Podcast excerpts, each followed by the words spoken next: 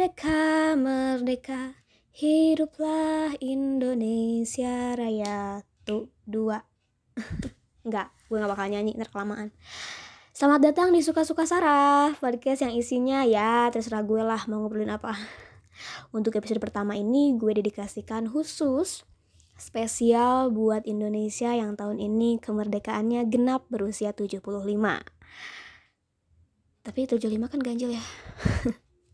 Jadi genap ini bukan masalah matematika doang ya, bisa dibagi dua gitu. Tapi genap ini juga artinya penuh, utuh. Nah, segitu pelajaran bahasa Indonesia untuk hari ini. Kalau dipikir-pikir Indonesia ini sebenarnya umurnya udah ratusan gak sih? Kan kalian pasti pernah denger tuh katanya Indonesia dijajah Belanda 350 tahun. Belum lagi dijajah negara lain. Ibaratnya Indonesia ini udah lahir ratusan, tapi bikin akte kelahirannya belakangan. Gak apa-apa lah ya, jadi awet muda gitu kan kesannya. jadi pada ngapain aja nih di 17 Agustus 2020? Pasti pada bangun pagi, terus posting di Instagram gitu, Dirgahayu RI ke-75, terus tidur lagi. Aku deh. Karena gue juga gitu. Bedanya gue nggak posting apa pun sih. Jadi gue hari ini bangun sekitar jam sembilanan pagi. Walaupun sebenarnya masih pagi tapi buat gue batas pagi buat bangun tidur itu jam 7 paling telat. Jadi gue berasa udah siang aja gitu. Dan itu terjadi karena udah dua hari ini jadwal tidur gue kacau bayangin dong ya cuma tidur 6 jam dalam waktu dua hari. Pusing ya jadi kepala tuh sepaneng sebenarnya. Nah, habis bangun mandi menikmati pisang goreng dengan teh tarik lalu ngelanjutin bikin soal buat anak-anak yang minggu depan bakal ujian. Tentu aja ditemani sorak-sorai mereka yang lagi pada lomba Agustusan. Ditambah dendang koplo lagu haredang tuh yang masih viral kayaknya bukan Indonesia kali ya kalau nggak ada dangdutan di setiap perayaan Ah, 75. 75. Jadi inget slogan angkot nggak sih? Yo, 75, 75, 75. Buat yang nggak pernah naik angkot nih, jadi kapasitas maksimal penumpang di belakang itu 12 orang. 7 orang di kursi yang lebih panjang dan 5 orang di kursi yang lebih pendek. Makanya 75 75 gitu. Ada dua kenangan di angkot yang sampai sekarang masih rekat melekat di ingatan. Nanti deh gue ceritain. Konyol banget, sumpah. Konyol, menyedihkan. Tadi ya, kapan-kapan gue ceritain. Oke. Okay. 75 di 2020. Beneran udah merdeka nggak sih kita? Secara administratif udah sih. Tapi kenyataannya kita lagi dijajah apa lagi dijajah corona sekarang. Astagfirullah gue tiap denger corona atau covid ya bawaannya emosi deh beneran. Bentar ya. Kita tarik nafas tiga kali sambil peluk diri sendiri kayak di drama It's Okay Not To Be Okay tuh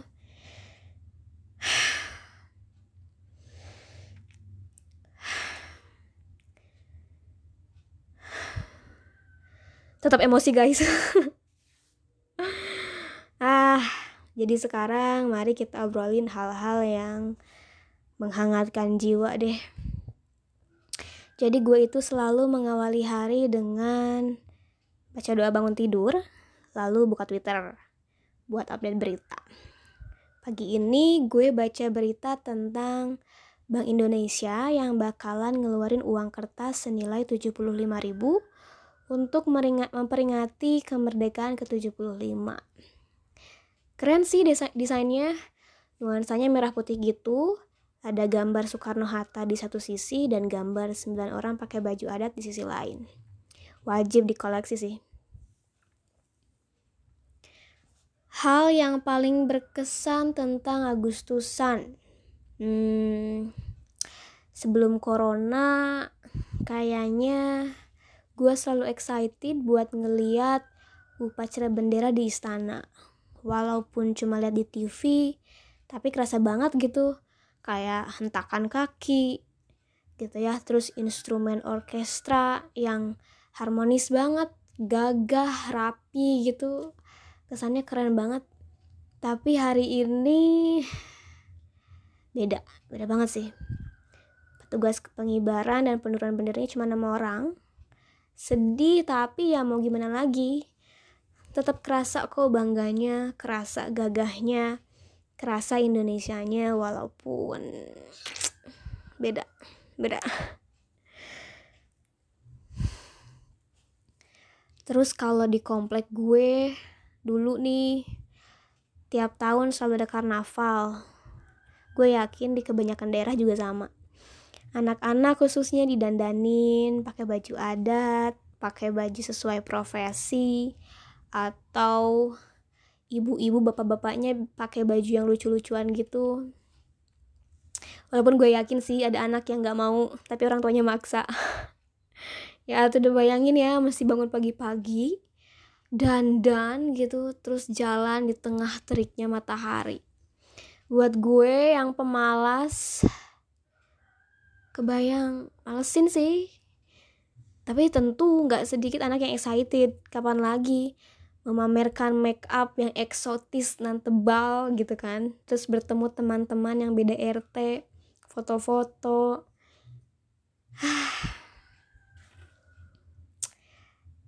kerasa baru kemarin gitu ya bisa kayak gitu Terus malamnya kalau di komplek gue biasanya ada konser ala-ala. Ada panggung gede gitu. Biasanya anak-anak lagi tampil nari. Terus ibu-ibunya apa sih? Tagonian gitu ya. Terus acara puncaknya biasanya ada gestar. Gestarnya juga lokal banget. Kayak misalnya wayang atau penampilan calung, instrumen-instrumen uh, tradisional lah. Terus biasanya juga anak-anak terkanya bikin drama musikal. Ih, kalau diceritain gini, kerasa banget bahwa hal-hal seperti itu besar banget artinya, khususnya kebersamaannya. Kebersamaan merayakan Indonesia merdeka dengan penuh sukacita, bahagia. Ya gak sih, kemerdekaan itu indah banget deh. Beneran. Belum lagi lomba-lomba yang kadang absurd ya. Bapak-bapak yang pakai daster gitu main bola atau lomba bakiak, lomba balap karung pakai helm, jeritan ibu-ibu yang menyemangati, atau jeritan anak-anak yang minta jajan. ah, ramai banget deh Indonesia tuh. Kreatif deh kalau untuk masalah lomba-lomba. Jadi inget dulu banget ya, Malah kita sempat ada panjat pinang. Yang mau kalah atau menang sama-sama nyereri awak guys, alias sakit badan. Yang gak tahu panjat pinang nih, aduh googling deh ya. Itu lomba lomba teripu terkeren sih karena mengandalkan kekuatan fisik badan sendiri dan kerjasama kerjasama tim sama kayak perjuangan Indonesia dulu lah cuma modal badan sendiri mungkin modal bambu runcing buat senjata, modal kepercayaan satu sama lain, dan tentunya modal kerjasama. Berat perjuangan kita dulu. Berat banget. Minggu lalu gue diskusi sama anak-anak tentang betapa pahlawan kemerdekaan dulu tuh keren banget. Perjuangannya, pemikirannya, lalu uh, apa ya kayak simbol negara aja Garuda Pancasila gitu ya. Udah kepikiran tuh desainnya sedetail itu. Jumlah bulu sayapnya masing-masing 17 bulu di ekornya masih apa 8 terus di bawah perisanya 19 di lehernya 45 17 8 19 45 kadang gue berimajinasi gitu. Kalau misalnya gue ada di tim perumusan simbol negara gitu ya kayaknya gue bakal merekomendasikan burung beo sebagai simbol negara yang suka ngebacot gitu. Ya kayak gue lah sekarang. Mengingat masyarakat kita juga dulu kan hobinya ngedongeng gitu ya hobinya ngegosip misalnya ibu-ibunya gitu ya. Gitulah tapi Garuda udah paling keren deh perumusan Pancasila gitu ya dan simbol negara yang benar-benar mengandalkan otak, diskusi, menghargai dan menerima pendapat yang disepakati dan pastinya daya baca yang kuat sih. Dulu kan mana ada internet buat jadi bahan referensi. Belum lagi semboyan, bineka tunggal ika. Tiga kata yang cocok gitu ya untuk menggambarkan Indonesia yang kaya banget, yang luas banget, bahasa suku yang bisa ratusan. Ih, merinding gue kalau ingat betapa orang-orang zaman dulu tuh mampu merumuskan hal-hal besar tanpa bantuan teknologi seperti sekarang. Dan ini bukan cuma Indonesia sih, para negara para pendiri negara lain pun sepertinya sama. Nah, kita yang hidup di teknologi di zaman sekarang dengan banyaknya bantuan berupa teknologi, mudahnya akses informasi, harusnya bisa lebih berkontribusi untuk negara. Gue tahu kesannya berat banget gitu ya kata-kata berkontribusi untuk negara. Tapi mulai dari hal-hal kecil aja, misalnya jangan jadi netizen nyinyir gitu yang kalau lihat judul berita langsung kuar-kuar komentar padahal isinya aja kagak dibaca. Atau jangan jadi warga negara yang bisanya mengkritik pemerintah tapi nggak ada aksinya. Beberapa dari kalian tahu bahwa seorang kritikus itu idealnya harus gue tekankan ya harus memiliki latar belakang pendidikan atau pengalaman yang sesuai dengan hal yang ingin dia kritisi. Itu idealnya.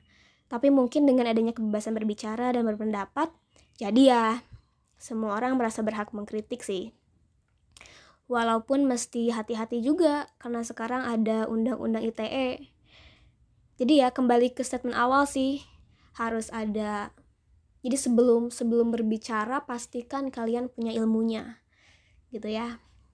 Contoh aja nih, banyak yang koar-koar dulu tuh bah bahkan cenderung menyalahkan kali ya kebijakan Menteri Pendidikan yang uh, perihal sekolah online yang diperpanjang pada waktu itu.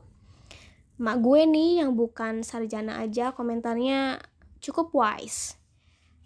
Jadi instead of blaming, justru mak gue tuh komentarnya gini, kenapa nyalahin kenapa nyalahin menterinya?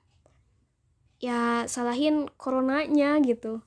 Dan menteri juga bingung tuh orang ini kejadian pertama pasti mikir menteri nage gitu guys katanya. Doakan we ibu-ibu Sunda banget lah.